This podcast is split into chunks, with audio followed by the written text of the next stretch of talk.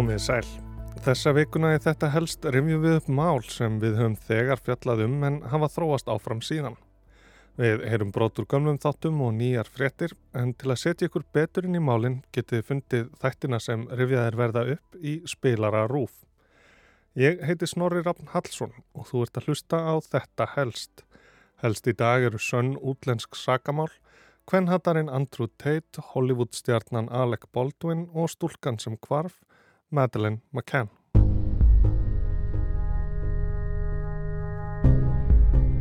Lauruglan í Rúmeníu hefur byrt Andrew Tate ákjæru vegna glæpa sem hann var grunaður um og handtekinn fyrir í lók síðasta árs.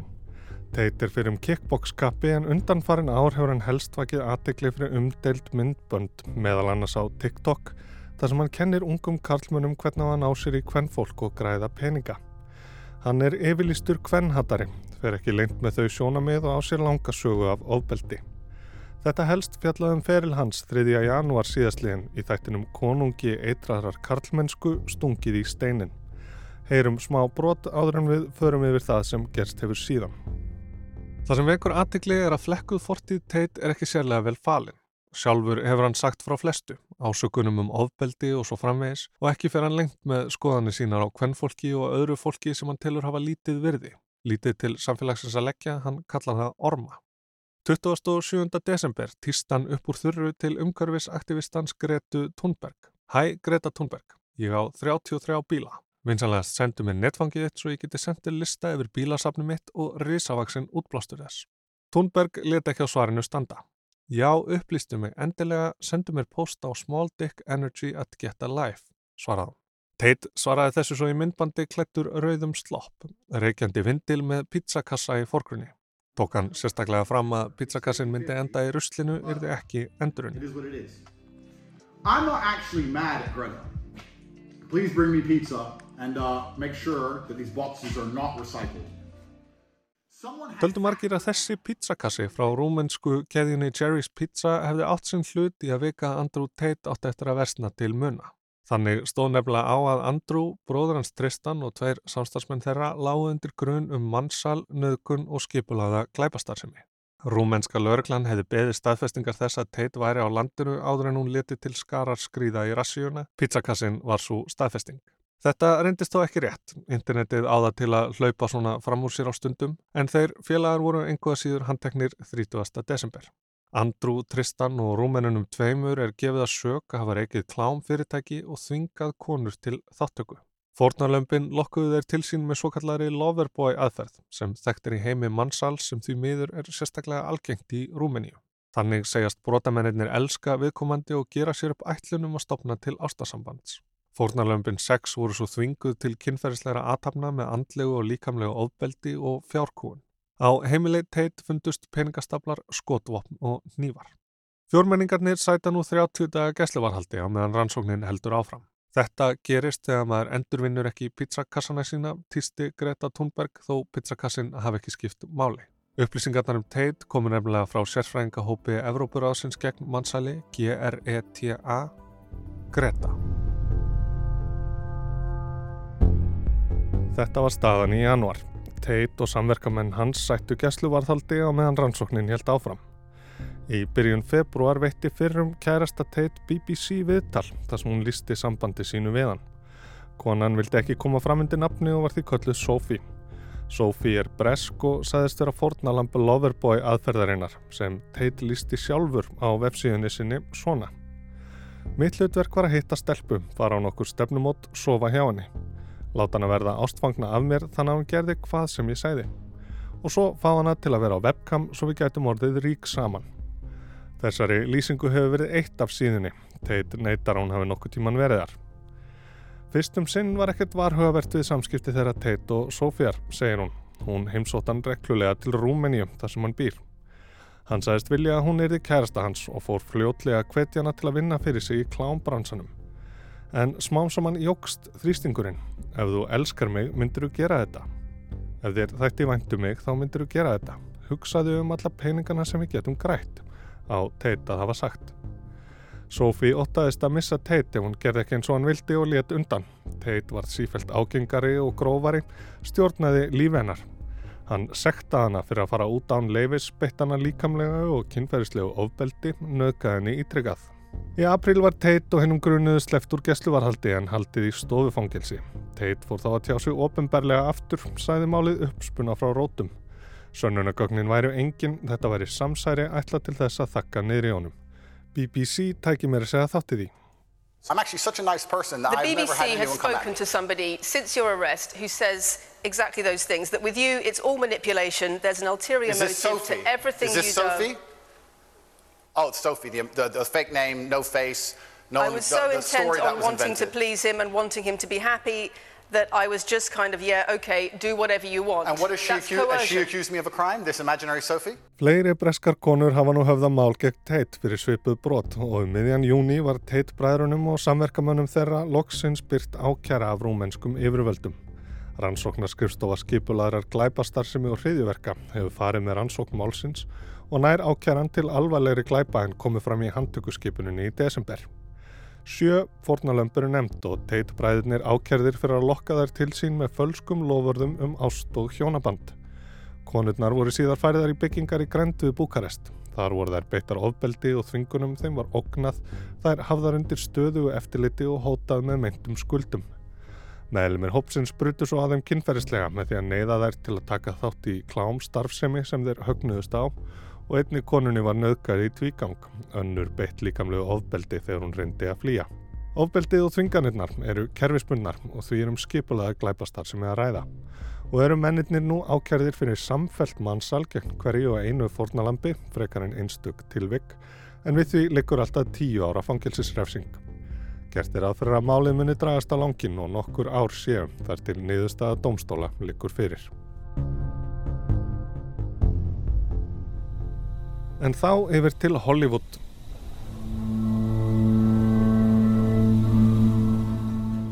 ...21. mars fjallaði ég um slisaskott Alex Baldwin sem leiti til dauða kvikmyndatökukonunar Helínu Hutchins í þættinum Blóðugur Hollywood-vestri. Afdegið átti sér stað við tökur á kvikmyndinni Rust 21. oktober 2021 en við sögu komið einnig leikstjórin Joel Sousa, aðstóða leikstjórin David Halls og vopnavörðurinn Hanna Gutierrez Reed. Heyrum brott. Í atriðinu átti Baldwin að taka byssuna úr slýrinu og beina að myndavillinni.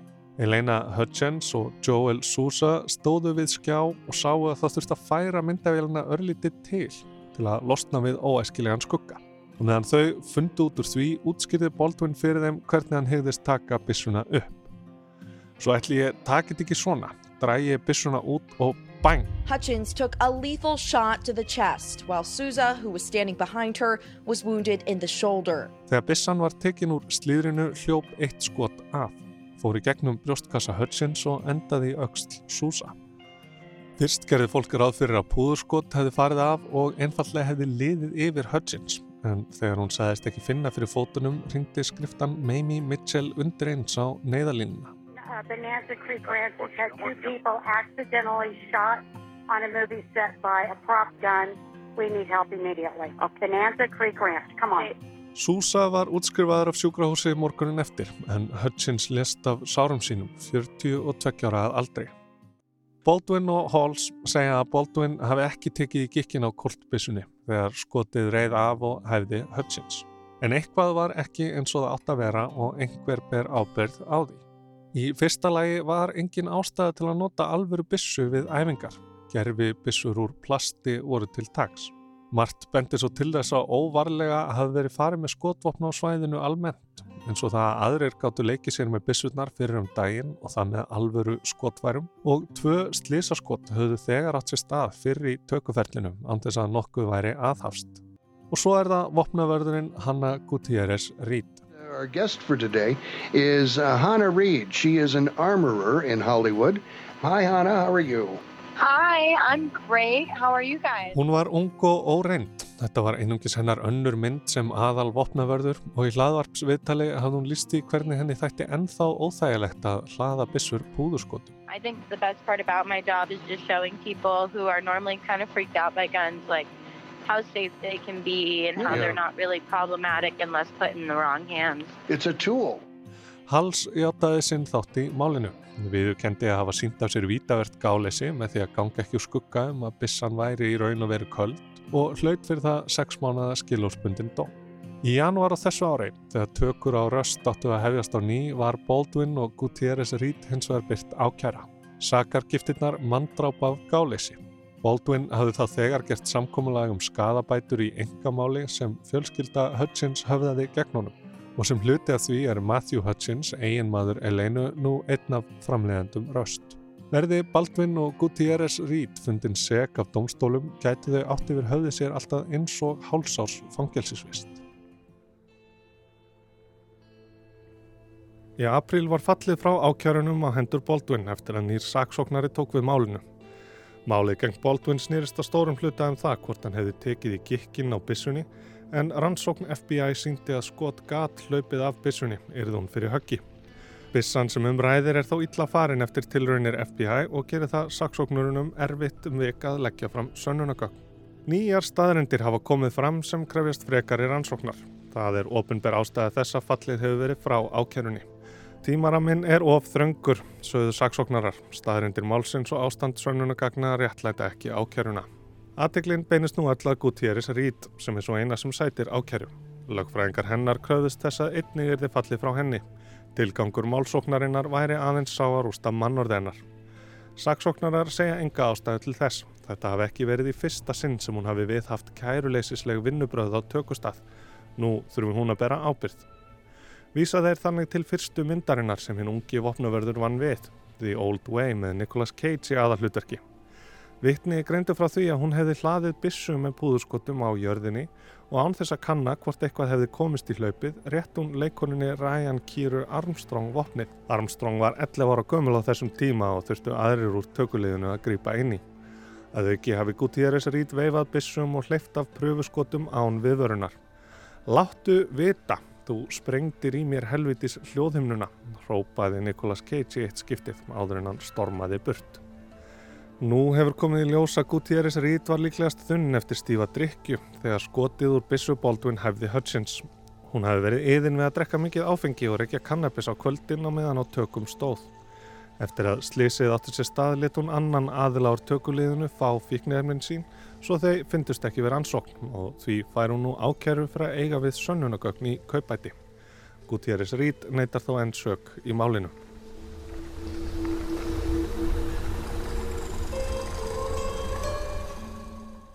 Og þá höldum við yfir hafið til Evrópu. Þann 12. mæ síðastliðin voru 20 ár liðin frá því Madeleine McCann kom í heiminn. En hvort hún er á lífi veitum við ekki því skömmu fyrir fjórða ammælistagsinn kvarf Madeleine úr rúmi sínu í fjölskyldufríi í Praia da Luz, verðamann að bæja á Algarve í Portugal. Ég fjallaði um kvarfið 15. mars í þættinum konan sem er kannski makkann. Þá hafði hinn pólska Júlia Faustina Vendel vakið aðtegli þar sem hún taldi sem mögulega vera Madeleine Littlu og reynda að komast í samband við foreldrana Kate og Jerry. Máli sínu til stuðning spendu hún á að hún myndi lítið sem ekkert úr æsku. Fjölskylda hennar vildi lítið segja og hún væri með sjálfgefan fæðingabletti í auganu, alveg eins og Madeleine. DNA-rannsókn hefur nú leitt í ljós að Júlia er ekki Madeleine og leitin heldur áfram. Heyrum brot úr þættinum. Kate og Jerry hafa aldrei gefið upp von um að dóttir þeirra sé enn á lífi og muni eitt daginn snúa aftur heim. Í júni 2020 gaf Þíska lauruglan þó út að gera mætti ráð fyrir því að Madeleine sé látin og að morðingi hennar sé þjóðveri á 50-saldri, Kristján nokkur Bruckner, sem afplánar nú dóm fyrir nöðgun á konu árið 2005 á Algarve svæðinu, þaðan sem Madeleine kvarf tveimur árum síðar. Hann sæti nú einnig ákjæru fyrir hinn ímsu kynferðisbrot gegn börnum og ungmennum. Bruckner bjó í Algarve á árunum 1995 til 2007. Undir það síðasta í húsbíl sem hann hefði fengið að láni og hafðist við í honum í grendið Praia de Luz. Saksóknarar í Þýskalandi segja fjarskiptagögn sína að hann hefði fengið símtal nálagt húsinu við Rúa Dr. Agostino da Silva kvöldið sem Madeleine kvarf. Bruckner neytar sök en þáverandi kærsta hans segir að kvöldið áður hafa hann sagt við hana ég þarf að sinna verkefni í Praia de Luz á morgun. Þetta er hræðilegt verkefni en þetta er eitthvað sem ég verða að gera og það mun breyta lífið mínu. Þú munt ekki sjá mig í svo litin tíma. Lauruglu yfirvöldi Þískalandi segist einnig hafa haldbara sannanir fyrir því að Madeleine sé látin og að í húsbílnum hafi fundist sönnunagögn sem tengja bröknir við kvarfið. Hver sönnunargögnin eru hefur ekki fengist uppgifið. En Bruckner hefur einnig verið rannsakaður í tengslum við að minnstakosti sex önnur börn sem hurfu í Portugal og Þískalandi á árunum 1995 til 2015. En hefur Bruckner þó ekki verið ákjærður fyrir aðild sínaða máli Madeleine en í fyrra hlautan stöðu grunaðsmanns hjá lauruglunni í Portugal sá fyrsti frá því árið 2007 þegar Kate og Jerry McCann voru talin bera sök á döða og kvarfi dóttur sinnar. Lauruglan í Þískalandi er enn döl um hvaða upplýsingar hún hefur í höndunum en 23. mæ dróð til tíðenda. Lauraglan í Portugal hóf í dag leitað jarnaskum leifum Madeleine McCann sem kvarf sporlaust árið 2007. Leitað er í uppistöðu lóni að beðinni þýskara yfirvalda og breskir embættismenn verða einni á staðnum. Leitin er gerð með aðstóð kavara og það á ljúka henn á tveimur dögum. Vísbendingar og ábendingar beindu aðtikli lauruglunar að lóninu sem er um 50 km frá Praia da Luz. Það var ekki Bruckner sem hafi játaðið að gefa neitt upp en vitað var að hann læði leið sína gjarnan að lóninu. Dvaldi þar einn í húsbylnum sínum og leita á það sem sína litlu paradís. Leitinn stóði verið þrjá daga en svæðið hafði einning verið finnkjæmt árið 2008. Leitað var að jarneskum leifum Madeleine en ekki bara. Född myndu hjálpa til við rannsóknina en jarðvegssíni voru einnig tekin og sendt til rannsóknar í Þýskalandi. Lörgliðu vel þar í landi virðast staðráðin í að sanna að Bruckner sé sá sem ber ábyrð á kvarfi Medellin. Ef þið vissuð hvaða sönnunugögn við hefðum myndið þið komast að sömu niðurstöð og ég, sæði Hans Christian Wolters, saksóknari í Braunschweig sem fer fyrir rannsókninni. En ég get ekki gefin eitt upp því við viljum ekki að hinn grunaði viti hvað við höfum á hann.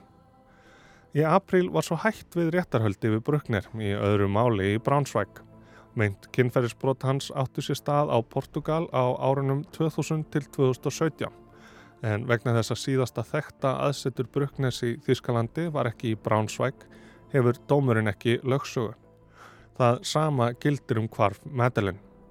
Verði málið tekið fyrir í Magdeburg þar sem Bruckner á að hafa hafst við í gömlu vöruhúsi eða í Frankfurt þanga sem Bruckner var fluttur eftir handtöku á Ítalíu verða yfirvöld þar að kynna sér málinn sem yfirvöld í Braunschweig hafa unnið að árum saman frá upphafi.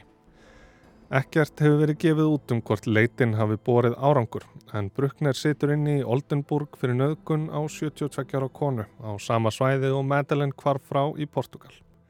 Þar munan dósa til ásins 2025. Þetta var helst af Andrew Tate, Alec Baldwin og Madeleine McCann þessa dagana. Heila þætti um þau mál má nálgast í spilara RÚF og á RÚF.is. Ég heiti Snorri Rafn Hallsson og þakka áhörnina.